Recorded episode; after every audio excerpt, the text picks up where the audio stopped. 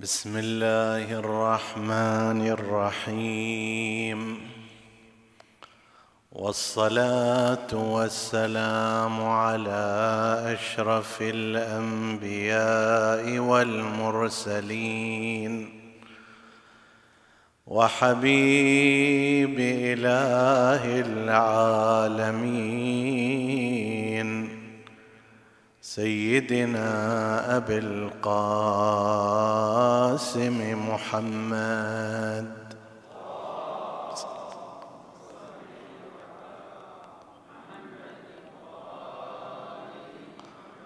وعلى أهل بيته الطيبين الطاهرين المعصومين. اللهم صل وسلم وزد وبارك وترحم وتحنن على نبيك المصطفى ووصيه علي المرتضى وعلى فاطمة الزهراء. وعلى الحسن الزكي المجتبى وعلى الحسين الشهيد بكربلاء وآله الطاهرين.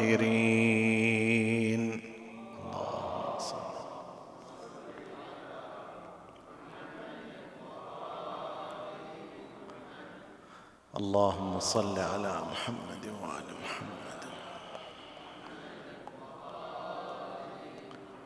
نبارك لرسول الله صلى الله عليه وآله والعترة الهادية ومراجع الدين ومراجع الدين وعموم المؤمنين ذكرى ميلاد السبط الأول والإمام الثاني والمعصوم الرابع أبي محمد الحسن بن علي الزكي الناصح الأمين.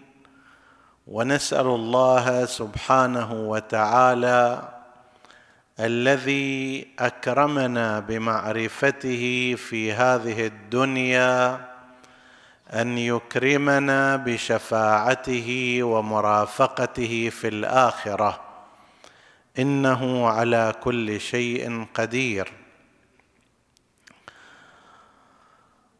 ونتناول هذه الليلة بعض ما يرتبط به صلوات الله وسلامه عليه مما يتصل بحديثنا عن سنة النبي صلى الله عليه وآله. فإن سيرة هذا الإمام وجوانب حياته المختلفة هي من السعة والرحابة بحيث لا يمكن استقصاؤها في مجلس أو مجلسين.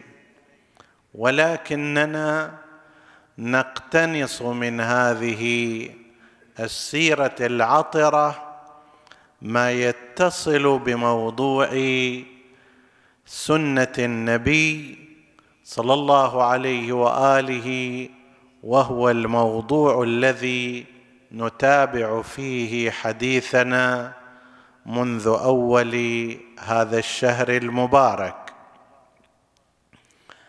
سبق أن ذكرنا أن الأئمة المعصومين عليهم السلام أحاديثهم ورواياتهم وكلامهم أصوله راجعة إلى كلام رسول الله صلى الله عليه وآله كما أخبروا عن ذلك مرارا فقالوا إنما هي أصول علم نتوارثها كابرا عن كابر عن رسول الله صلى الله عليه وآله.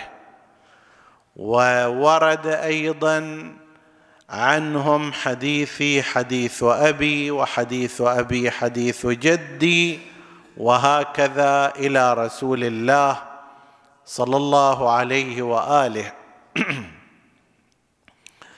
ولهذا فإنه في الغالب هم لا يعبرون عن حديثهم بطريقة تشير إلى أنها رواية وإنما كما ذكرنا كانوا يريدون تكريس مفهوم الإمامة عند الناس وأن كلامهم هو ككلام رسول الله واجب الإطاعة ولازم الاتباع وأنهم لا يتعاملون مع أنفسهم ولا يريدون أن يتعامل الناس معهم باعتبارهم مجرد رواة يرون الحديث كما هو الحال بالنسبة إلى سائر الفقهاء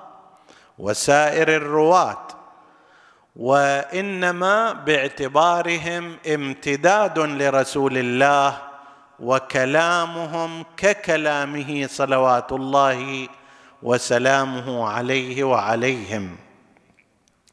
لكن مع ذلك في بعض الحالات والأحيان لجهة من الجهات وجدنا أن هذا المعصوم أو ذلك المعصوم يشير إلى أنه سمع هذا من رسول الله أو حدثه أبوه عن جده عن رسول الله لأجل مناسبة تقتضي ذلك.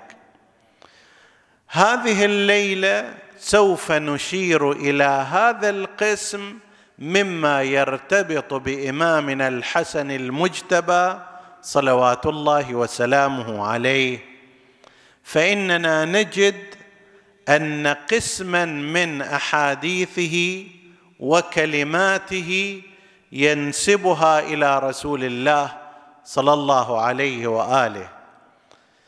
نورد بعض الشواهد على ذلك من كلماته القصيرة مما سمع من رسول الله صلى الله عليه وآله ثم ننقل حديثا طويلا بعض الشيء أيضا ينقله الإمام الحسن المجتبى حيث كان شاهدا وسامعا لكلام رسول الله صلى الله عليه وآله كل ذلك بعد الصلاة على محمد وآل محمد.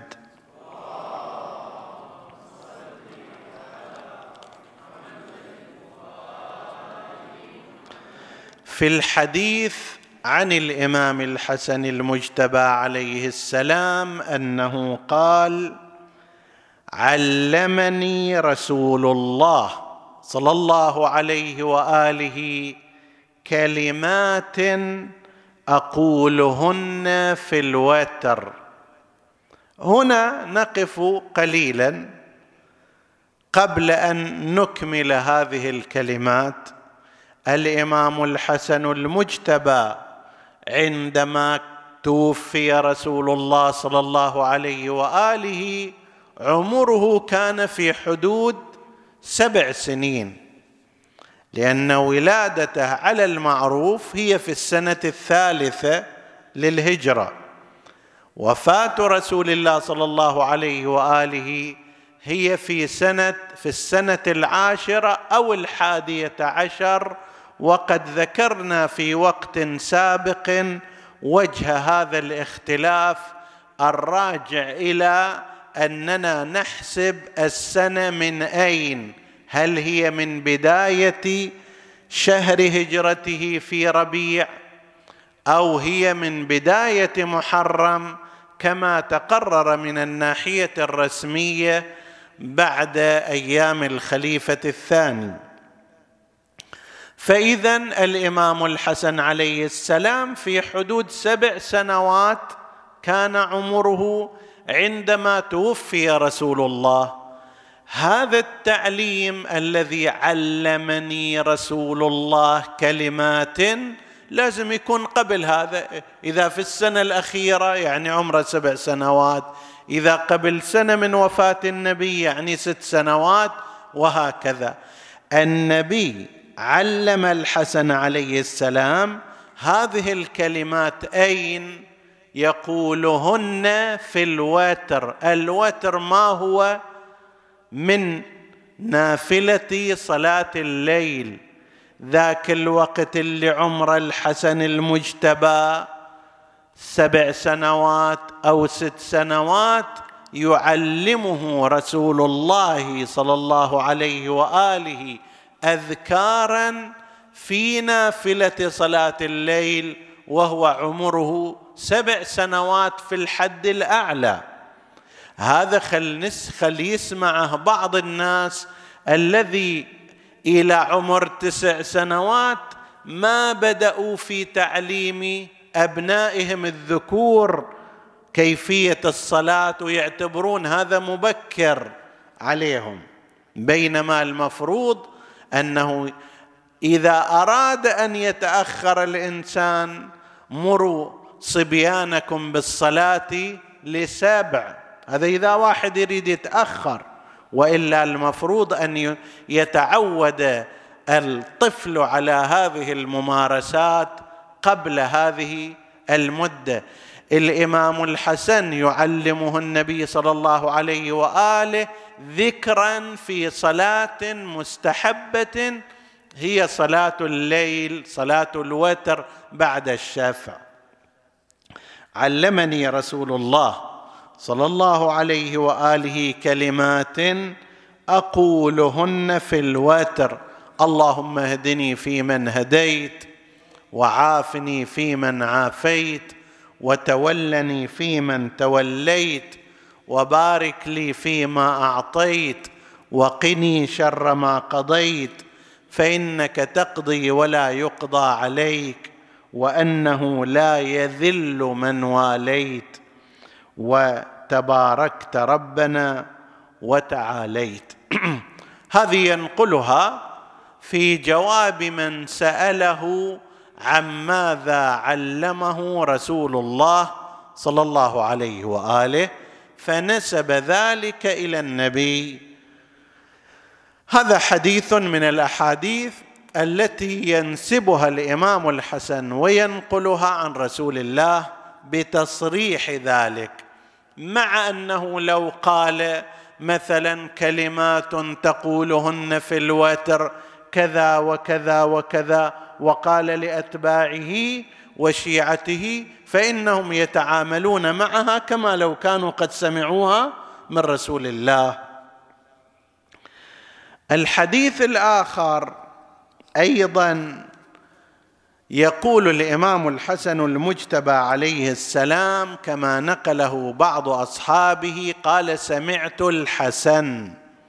ابن علي يقول سمعت رسول الله صلى الله عليه وآله يقول من صلى صلاة الغداة فجلس في مصلاه حتى تطلع الشمس كان له حجاب من النار.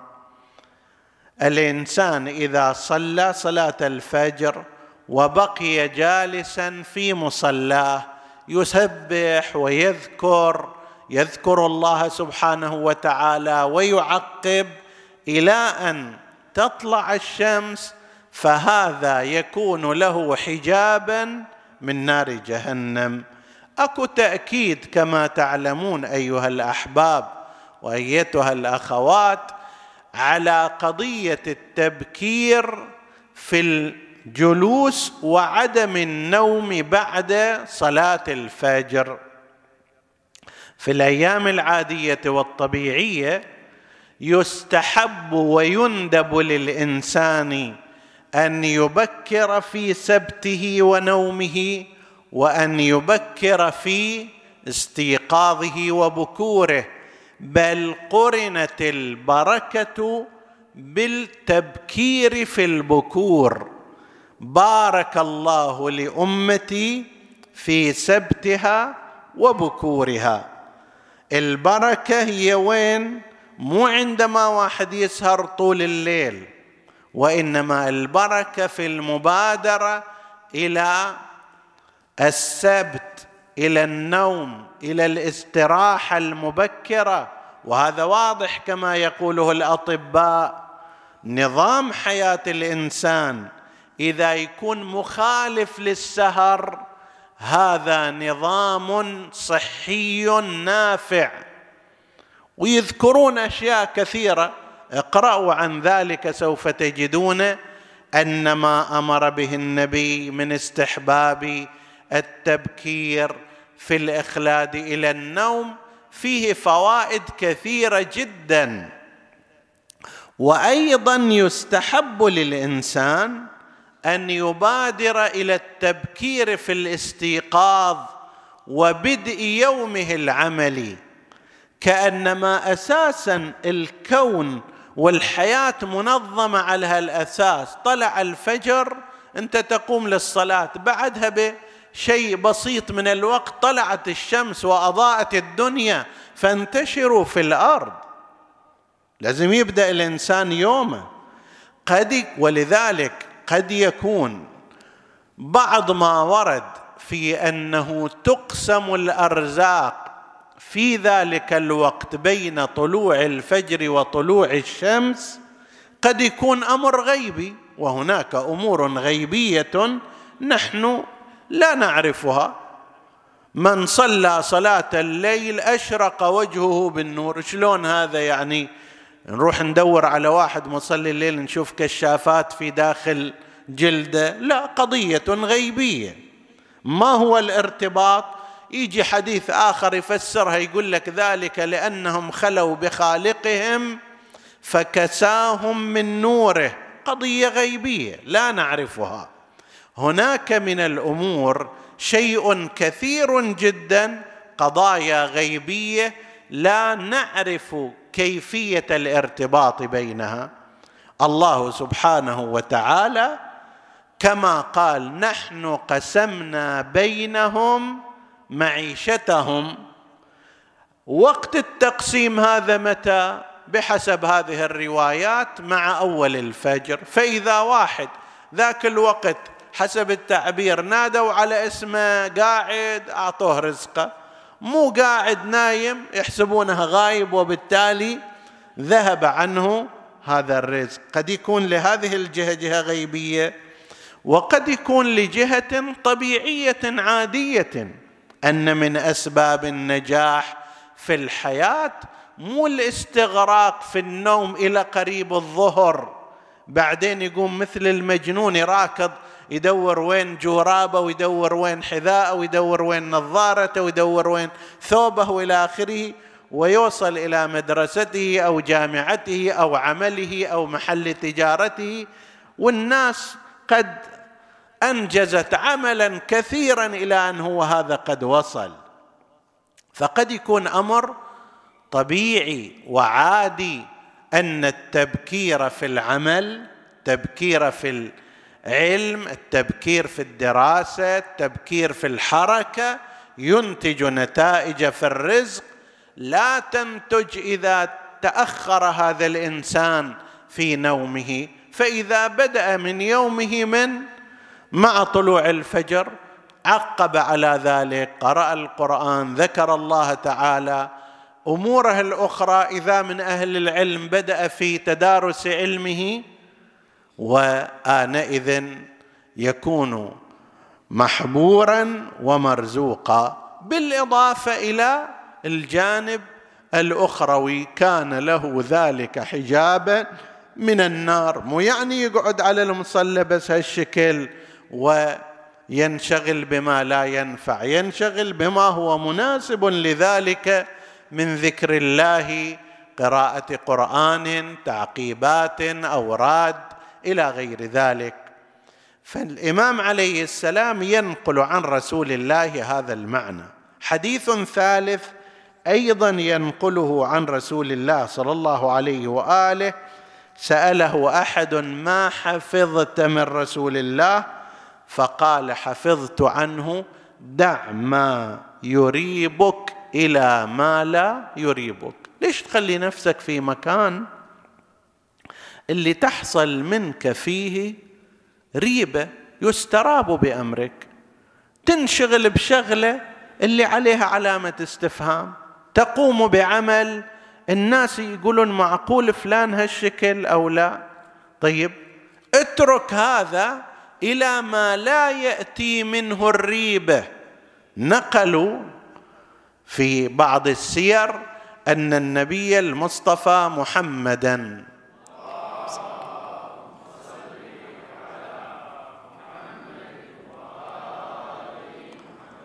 كان في أول النهار وكانت زوجته صفية فوقف معها وأخذ يكلمها.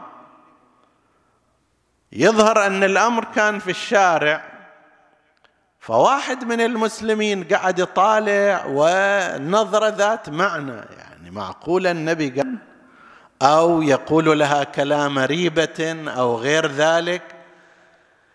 فالنبي صلى الله عليه وآله لإزالة هذا المعنى أشار إليه قال له إنها صفية. ترى هذه زوجتي صفية ها؟ طبعا هذا الذي يشك في النبي لازم واحد يشوف أي عقلية عنده وأي قلب. بس مبادرة النبي صلى الله عليه وآله إلى ذلك يعلمنا درس أنه إذا كان هناك احتمال أن يستريب أحد منك بعمل من الأعمال تقوم به فدعه إلى عمل لا يسبب لك ريبة. دع. ما يريبك إلى ما لا يريبك.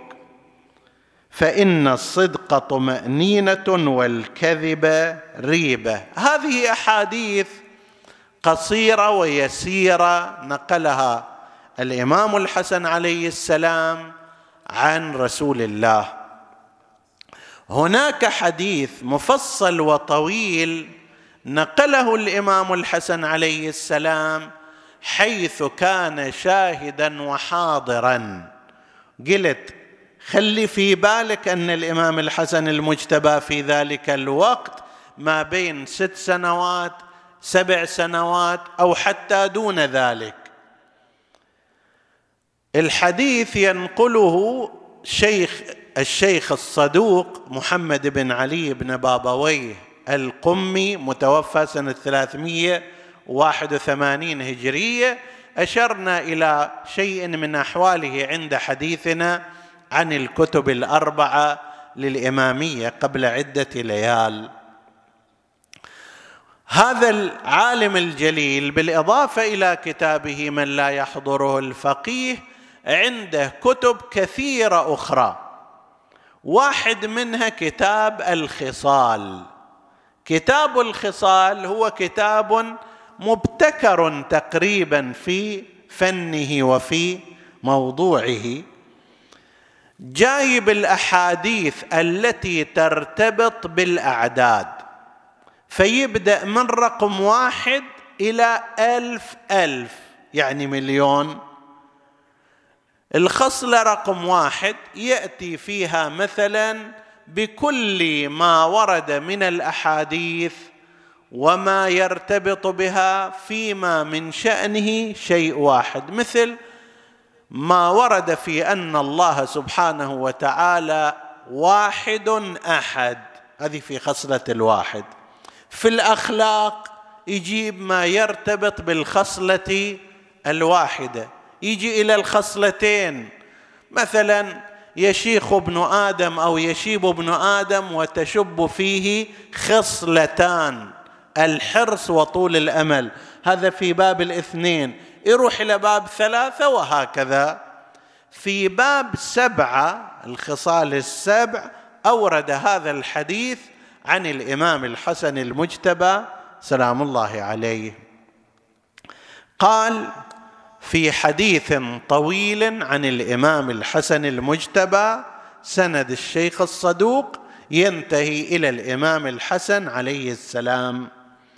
قال جاء نفر من اليهود إلى رسول الله صلى الله عليه وآله فسأله أعلمهم عن أشياء فكان فيما سأله أخبرنا عن سبع خصال أعطاك الله من بين النبيين وأعطى أمتك من بين الأمم. اليهود كانوا يعرفون كثيرا من أحوال رسول الله صلى الله عليه وآله بما قرأوه في كتبهم. فإن في تلك الكتب ذكر لمحمد وآل محمد.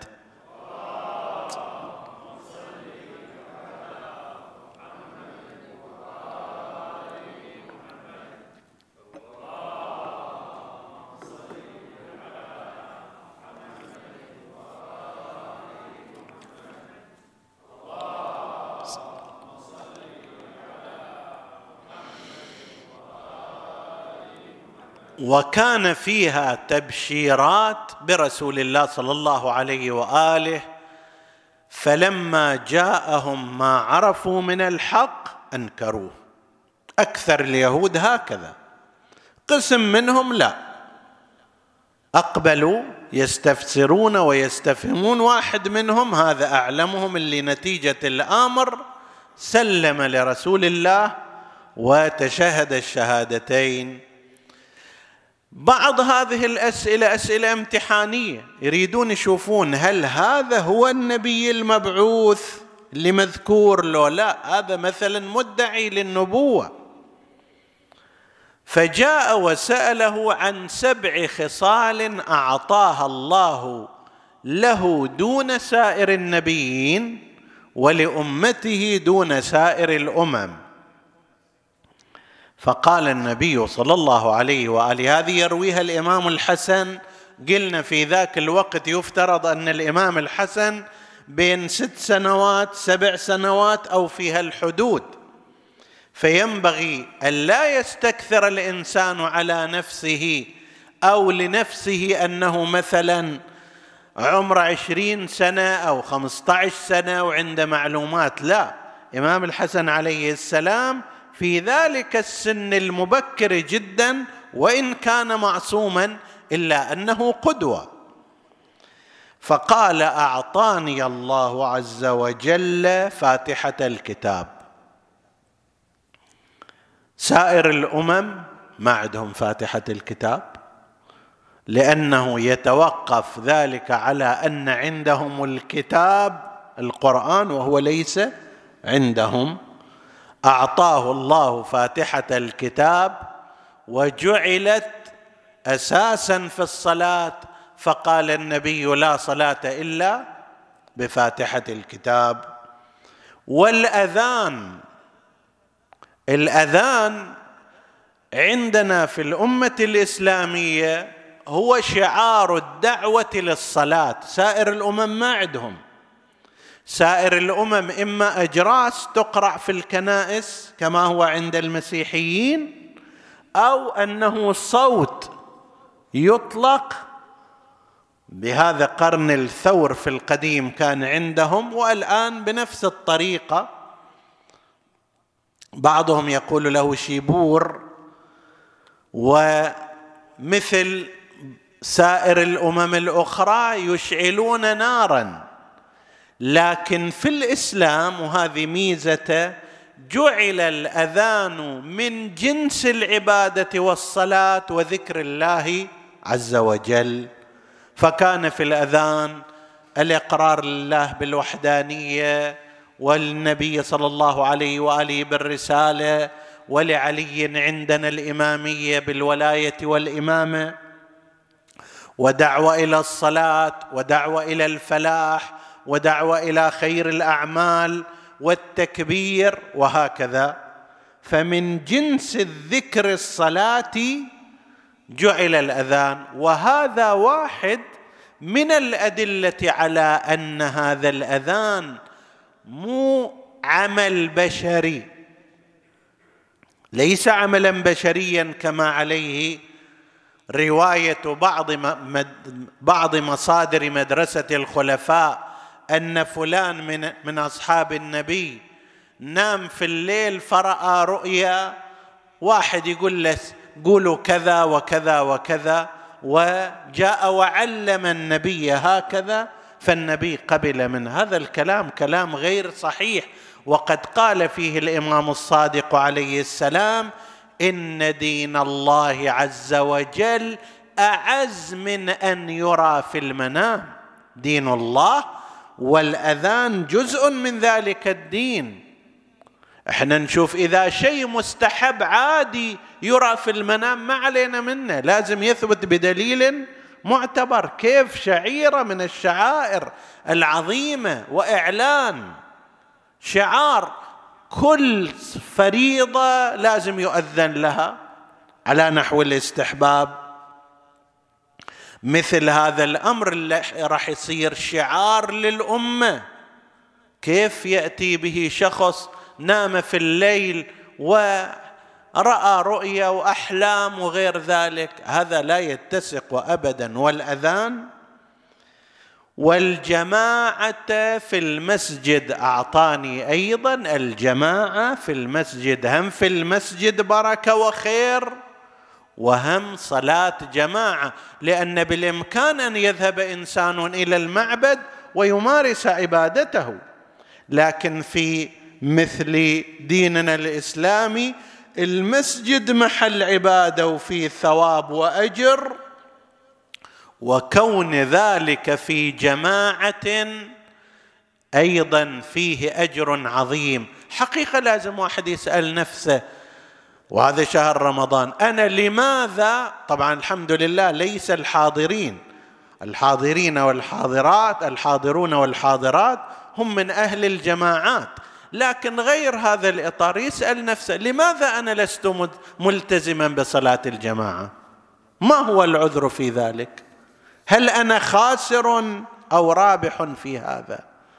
هل أنا عامل بما ينبغي أو لست عاملا بما ينبغي. لو كان أئمتي صلوات الله عليهم في هذا الزمان موجودين كانوا يرضون عن أنه أنا تارك للجماعة أو أنهم لا يرضون بذلك. صار عند قسم من الناس فعلا يعني قضية أن يذهب إلى المسجد أمر غريب. عشر سنوات عشرين سنة ربما لم يدخل إلى المسجد للصلاه وربما صلاة الجماعة أيضا نفس الشيء. هذا على خلاف ما ينبغي أن يكون فيه الإنسان المؤمن وهو فعلا خسارة عظيمة. فعلا خسارة عظيمة لهذا الإنسان. لو علم صلاة الجماعة في المسجد وما فيها من ثواب أخروي وفوائد دنيوية لما ترك هذا الفعل. وصلاة والجماعة في المسجد ويوم الجمعة هذا بعد شيء أكثر. صلاة جماعة في المسجد يوم الجمعة هذا زمان غير المكان مكان المسجد. والصلاة على الجنائز من جملة الصلوات. المستحبه والواجبه كفائيا. مستحبه للجميع والواجبه كفائيا. يجب على بعض المسلمين أن يصلوا على هذا المتوفى. والصلاة على الجنائز بينما لا نعهد أن هناك في سائر الديانات الأخرى أكو صلاة على الجنازة. والإجهار في ثلاث صلوات. صلاة الفجر جهرية القراءة فيها وصلاة المغرب وصلاة العشاء. والإجهار في ثلاث صلوات والرخصة لأمتي في عند الأمراض والسفر. هذا من ميزات هذه الأمة من الخصال التي أكرم الله بها هذه الأمة أنه خفف عليهم عند المرض والسف والسفر صلاة وصوم. وهنا خل نذكر مسألة مهمة لأنها من المسائل الابتلائية. أكو قسم من الناس ولا سيما كبار وكبيرات السن. تيجي تقول أنه أنا الآن ستين سنة رمضان ورمضان أصوم. تريدوني أترك الآن. ما أصوم في شهر رمضان. يابا أنت عندك مشكلة في الكبد. والطبيب يقول يتضرر الكبد. عندك مشكلة في الكلى؟ طبيب يقول تتضررين في الكلى. عندك سكر؟ إذا تتركي مثلا الأكل هذه الفترة الطويلة ينخفض منسوب السكر ويتأذى بدنك تقول لا أنا ما علي الله يستاهل وأنا لازم أصوم حتى لو أتأذى حتى لو أتضرر. يقال لها شكر الله سعيك خوش هذا إيمان طيب لكن هذا هذا الصوم غير مقبول منك. هذا الصوم غير جائز. وإذا كان غير جائز لا يكون مقبولا. كيف أن الإنسان لو صلى في بلده ركعتين مقبول لو ما مقبول؟ ما مقبول. ليش ما مقبول؟ لأنه أتى بشيء لم يطلب منه. المطلوب منك أربع ركعات. كذلك لو أتى بأربع ركعات وهو في السفر ما مقبول عند منه. لماذا؟ لأنه الله ما طلب منه هذا. لم يوجب عليه هذا. أراد منه تلك الركعتين. الله يريدك أن تعبده كما يأمرك هو لا كما أنت تقترح. أنا أبغى أصلي في السفر أربع ركعات. ما عندي شغل. فخليني أصلي صلاة الظهر أربع ركعات. يقول لك لا تعب وعدم قبول. هم تعبت زيادة وليس عملك هذا مقبول. وبهذا أيضا يرد على ما ذكره بعضهم من أن هذه الأمور هي رخصة في السفر وبالتالي يقدر الإنسان أن يفعل ذلك أو أن لا يفعل. لا هذه بما ورد من الروايات هي هدية من الله عز وجل. أمن الصحيح أن ترد هدية ربك وخالقك؟ أنت لو ترد هدية واحد محترم يكون هذا إهانة اليه فكيف ترد هدية ربك؟ نفس الشيء بالنسبة إلى قضية المرض. الله في وقت المرض قال لك أنا لا أريد هذا الصوم منك. لا أريده. لا أحبه هذا غير محبوب عندي غير مرغوب غير مطلوب. فحتى لو أتيت به أنت لم تأت بما بما طلبته منك. اللي طلبته منك ما هو فعدة من أيام أخر. لذلك لا مشروعية لهذا الصوم ليس شرعيا. كما أن الإتمام في السفر ليس شرعيا الصوم في السفر ليس شرعيا الصوم في المرض ليس شرعيا أيضا.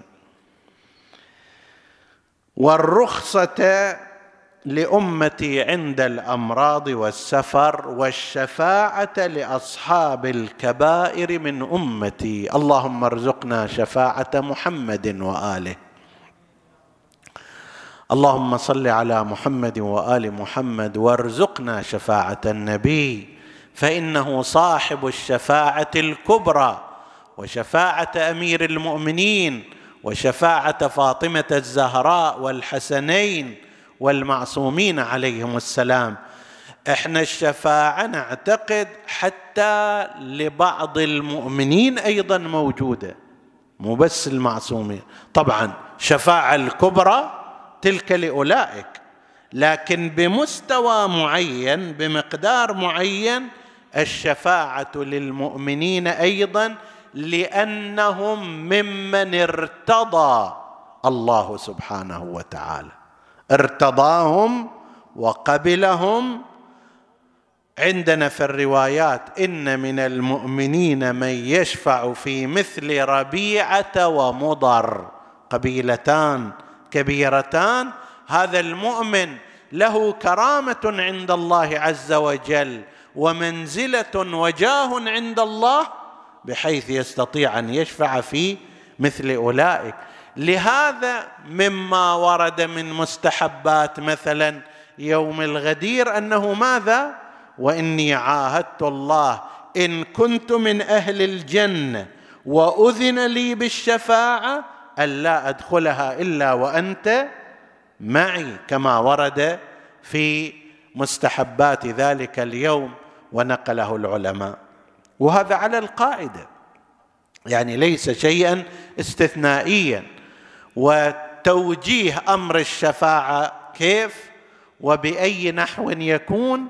هذا له مجال آخر ولكن الأمر بالإضافة بالإضافة إلى أدلته القرآنية وأدلته الروائية والإجماع بين المسلمين على حصوله إلا من بعض الفئات هذا أمر هو على القاعدة. والشفاعة لأصحاب الكبائر من أمتي ولذلك نطلب من إخوتنا السامعين وأخواتنا السامعات جزاهم وجزاهن الله خيرا الا ينسونا من شفاعتهم في يوم القيامة. نعم فقال اليهودي صدقت يا محمد. صلوا على محمد وآله.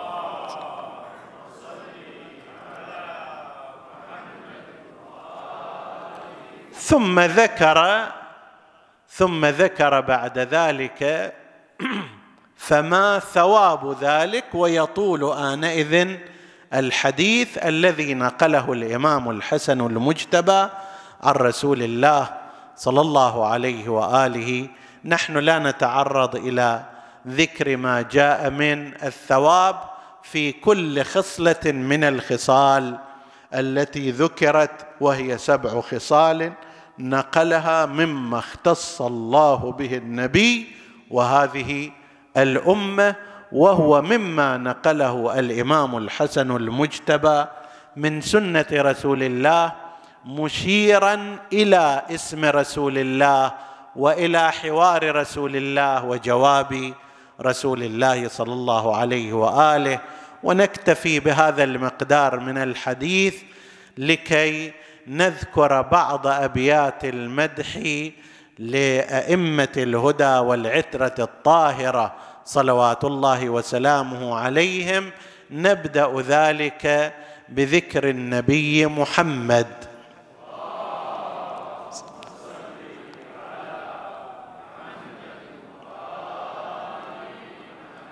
فاق النبيين فاق النبيين. في خلق وفي خلق. ولم يدانوه في علم ولا كرم. وكلهم من رسول الله ملتمسون. غرفا من البحر أو رشفا من الديم.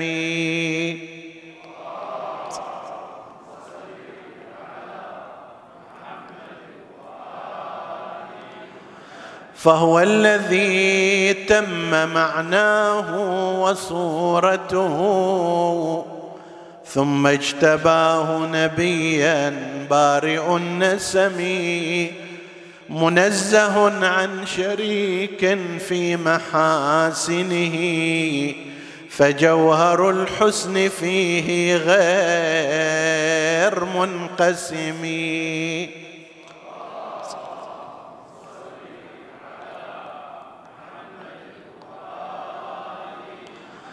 دع ما ادعته النصارى في نبيهم. واحكم بما شئت مدحا فيه واحتكمي فإن وانسب إلى شأنه ما شئت من شرف وانسب إلى قدره ما شئت من عظم.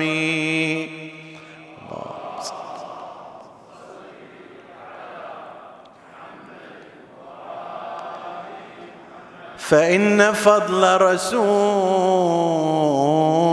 الله ليس له حد فيعرب عنه ناطق بفمي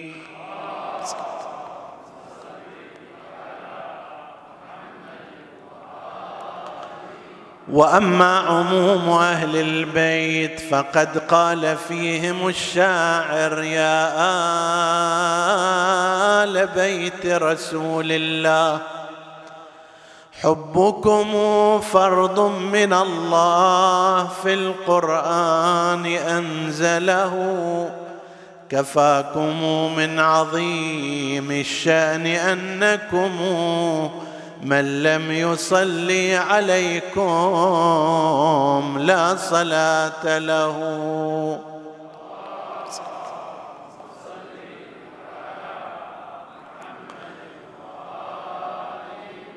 وأما ولايتنا لأمير المؤمنين سلام الله عليه فيقول فيها ولايتي لامير النحل تكفيني عند الممات وتغسيلي وتكفيني وطينتي عجنت من قبل تكويني بحبه كيف نار الحشر تكويني.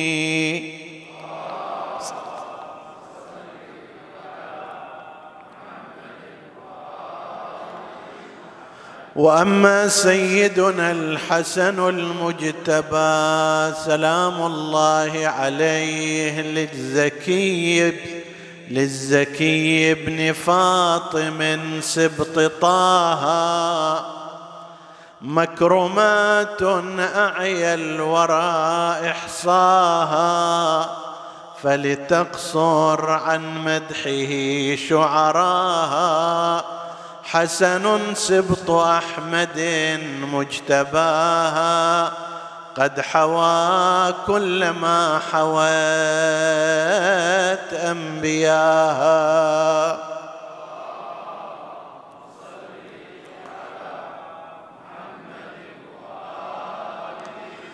فهو لولا من نوره بان السلك ما زهى الكون. لا ولا سار فلك وهو اللؤلؤ الذي كان مذكورا بآي القرآن يا من تلاه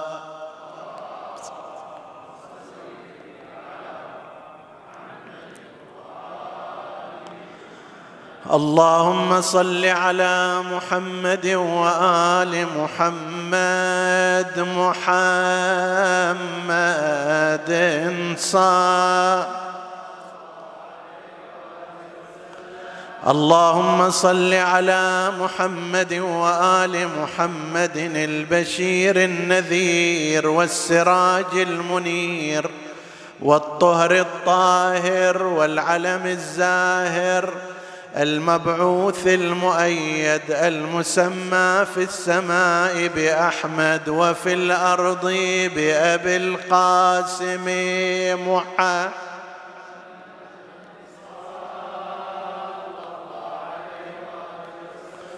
قال أرباب الأثر والخبر لما أن أراد الله سبحانه إظهار نور سبط النبي الأكرم سيدنا ومولانا الحسن الزكي. حملت به أمه فاطمة حملا مباركا ميمونا. وكانت ترى في حملها الآيات الباهرات. والمعجزات الظاهرات كل ذلك كرامة لسبط النبي محمد.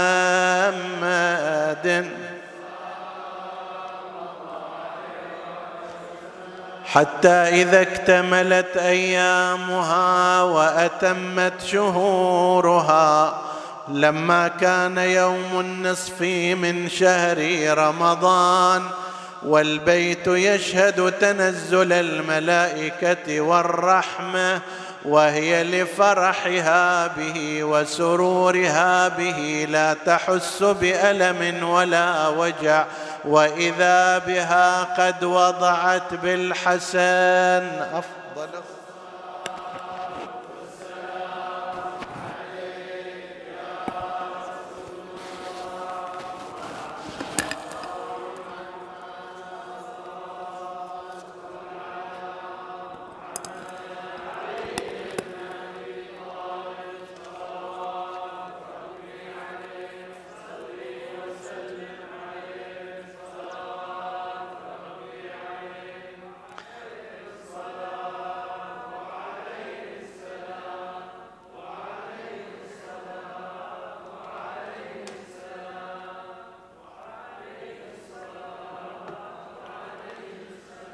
اللهم صل على محمد وآل محمد. اللهم إنا نسألك بالحسن وجده وأبيه وأمه وأخيه والتسعة المعصومين من ذرية أخيه الحسين. صل عليهم صلاة كثيرة لا غاية لأمدها ولا نهاية لعددها وأكرمنا بشفاعتهم. واحشرنا معهم وفي زمرتهم. وتقبل منا إنك أنت الغفور الرحيم. اللهم صل على محمد وآل محمد واشفي مرضى المؤمنين والمؤمنات. وفرج اللهم عن جميع الأسرى يا رب العالمين.